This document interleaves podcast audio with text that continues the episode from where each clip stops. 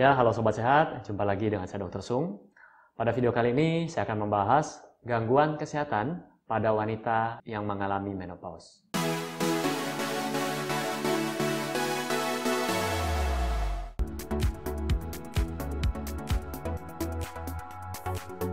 Ya, Sobat Sehat, jadi sebelum Anda menonton video ini, ada baiknya Anda menonton dulu video saya yang sebelumnya di sini, yaitu tanda dan gejala menopause. Jadi di sana saya ada jelaskan apa itu menopause, apa saja tanda dan gejala yang muncul pada wanita menopause. Dan pada video kali ini, saya akan membahas gangguan kesehatan apa saja atau resikonya apa saja yang muncul pada wanita yang mengalami menopause. Ya, mungkin banyak wanita atau banyak perempuan datang ke dokter dengan keluhan mereka sudah memasuki usia lanjut atau dalam tanda kutip tua, ya. Jadi mereka sudah tidak haid lagi. Dan seperti biasa, mereka mencari cara, dok bagaimana supaya saya bisa haid lagi? Ada enggak obat supaya saya bisa haid lagi, supaya saya bisa seperti wanita muda lagi? Nah, sebenarnya yang perlu ditakutkan di sini adalah resiko-resiko yang terjadi setelah Anda memasuki masa menopause. Jadi resiko yang pertama adalah dampak pada pembuluh darah Anda. Jika terkena dampak ini, maka Anda akan memiliki resiko yang lebih besar untuk mengalami serangan stroke dan penyakit jantung koroner. Dan bahkan ini jauh lebih besar dibandingkan pria dengan usia yang sama dengan Anda. Nah, gangguan lainnya pada pembuluh darah yang perlu Anda waspadai adalah gejala demensia, di mana gejala ini akan mengganggu kehidupan Anda sehari-hari. Ya, mungkin gejala awalnya adalah sering lupa, Anda taruh barang di mana Anda tidak ingat sesuatu. Dan pesan saya bagi anak-anak yang sekarang masih remaja, ketika orang tua Anda mengalami hal demikian, harap dimaklumi dan segera konsultasikan ke dokter. Ya. Nah, hal lainnya adalah gangguan pada tulang yang kita sebut dengan osteoporosis. Jadi bagi Anda, para wanita yang sudah memasuki masa menopause, hati-hatilah terhadap gangguan yang satu ini. Karena ketika Anda mengalami osteoporosis, Anda mungkin jatuh sedikit, tulang Anda gampang retak atau bahkan patah dan bisa mengalami kelumpuhan. Jadi selain uh, dua gangguan tadi, juga terdapat beberapa gangguan hormonal sering didapat atau dijumpai adalah gangguan pada kadar gula darah atau yang kita sebut dengan diabetes mellitus dan juga gangguan pada hormon-hormon tertentu, misalnya gangguan pada hormon tiroid atau yang disebut dengan hipertiroid. Jadi, sekali lagi, buat Anda yang sudah memasuki masa menopause, segera konsultasikan diri Anda ke dokter apabila Anda mendapati gejala-gejala yang telah disebutkan di, tadi di atas. Ya. Ya, sobat sehat, mungkin gangguan-gangguan tadi yang saya sebutkan sebelumnya, mungkin bagi Anda, oh kok seram ya dok? Nah, jangan khawatir, di sini saya akan membagikan tips bagaimana cara mencegah agar dapat meminimalisir gangguan kesehatan tadi. Ya, jadi di banyak literatur yang saya baca disebutkan bahwa gaya hiduplah yang sangat berperan penting ketika perempuan memasuki usia perimenopause dan menopause. Di sana banyak disebutkan olahraga yang pertama. Jadi anda sebaiknya melakukan olahraga 3 sampai 5 kali dalam satu minggu dan biasakan setiap kali memulai olahraga minimal 30 menit hingga 1 jam. Dan jika Anda sudah terbiasa, usahakan 1 jam setiap kali Anda berolahraga. Nah, olahraga apa saja dok yang boleh saya lakukan di usia saya yang segini, yang saya sudah masuk masa menopause? Jadi, ada literatur yang mengatakan bahwa olahraga yang baik adalah olahraga aerobik dan juga beberapa literatur lain menyarankan agar Anda untuk mengurangi kegiatan-kegiatan atau olahraga yang high impact. Apa itu?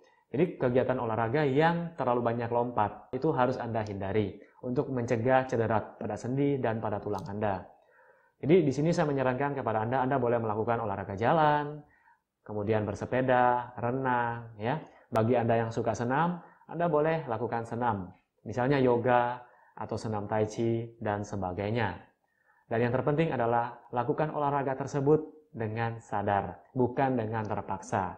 Anda sadar karena Anda mencintai diri Anda, lakukanlah olahraga tersebut. Kemudian hal yang kedua yang perlu Anda perhatikan adalah dengan mencermati semua keluhan yang Anda alami dan jangan terburu-buru untuk membeli obat.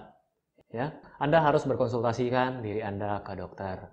Jadi di sini maksud saya adalah Misalnya Anda mengalami gangguan pencernaan seperti tadi kembung, ya, pencernaan Anda tidak enak, lambung Anda tidak enak, jangan sembarangan langsung membeli obat mah tanpa berkonsultasi dulu. Atau Anda mengalami anyak-anyangan, sering bolak-balik ke kamar mandi, mungkin iritasi pada kandung kemih. Jangan sembarangan membeli antibiotik di luar sana. tanpa berkonsultasi terlebih dahulu. Jadi, yang perlu Anda lakukan adalah cermati pola makan Anda. Misalnya gini, saya saat ini makan pedas, terus lambung saya tidak enak. Yang perlu Anda lakukan adalah mengurangi tingkat pedasnya, mengurangi tingkat misalnya di Jawa atau di daerah Indonesia paling banyak adalah makanan gorengan. Jadi Anda mengurangi kadar minyaknya. Nah, dengan mengurangi hal tersebut Anda evaluasi, oh ternyata lambung saya baik-baik saja. Jangan Anda tetap makan makanan tersebut lalu ditutup dengan obat.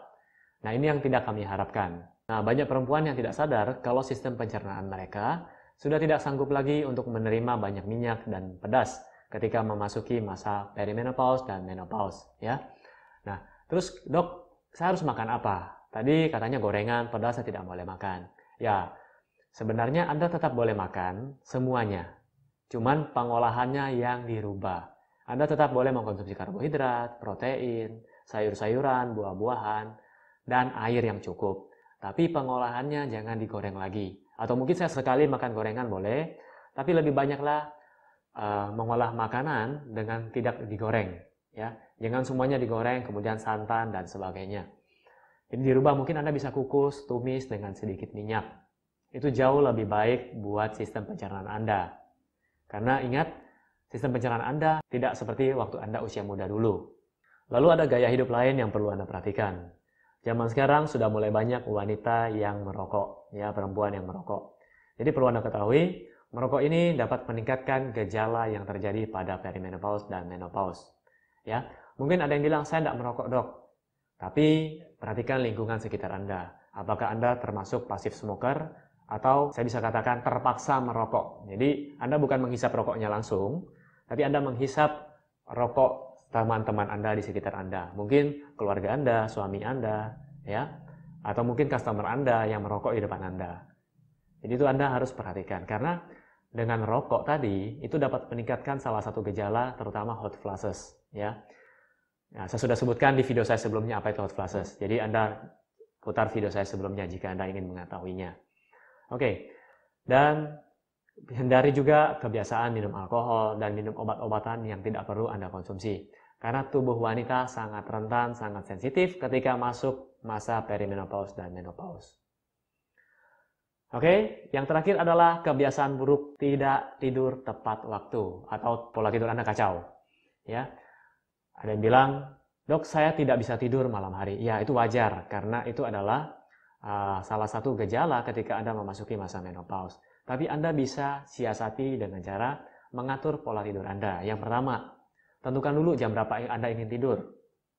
Kemudian, dua jam sebelum Anda tidur, hindari menonton televisi, kemudian bermain HP, lampu yang terlalu terang. Saya pernah membahas ini sebelumnya. Jadi dengan cahaya-cahaya tadi, itu membuat Anda terjaga lebih lama. Akhirnya bagaimana Anda mau tidur? Ya. Kemudian eh, ada lagi yang perlu diperhatikan bagi Anda pecinta kopi, atau teh ya, biasakanlah untuk tidak meminum kopi atau teh sebelum jam tidur Anda. Karena akibatnya pada saat Anda mengalami masa menopause, gejala insomnia ini pasti akan terjadi. Apalagi ditambah Anda minum kopi, Anda minum teh di saat Anda sebelum tidur. Ya, bukannya saya melarang Anda untuk minum teh atau kopi, tapi minumlah pada jam jauh sebelum Anda jam tidur. Ya, dan perhatikan juga jumlah kopi yang Anda minum, jangan terlalu banyak. Oke, okay? uh, eh, jadi itu semua adalah gangguan kesehatan yang terjadi pada wanita yang memasuki masa perimenopause dan menopause dan juga cara mencegahnya. Oke, okay? saya doakan Anda semua tetap sehat dan ulangi kata-kata saya, lakukanlah hal-hal yang baik buat diri Anda bukan dengan cara terpaksa, tapi lakukanlah karena Anda mencintai diri Anda. Itu jauh lebih bagus hasilnya. Oke, okay? seperti biasa jika Anda menyukai video ini silahkan klik like di bawah ini komen, dan share pada teman-teman Anda.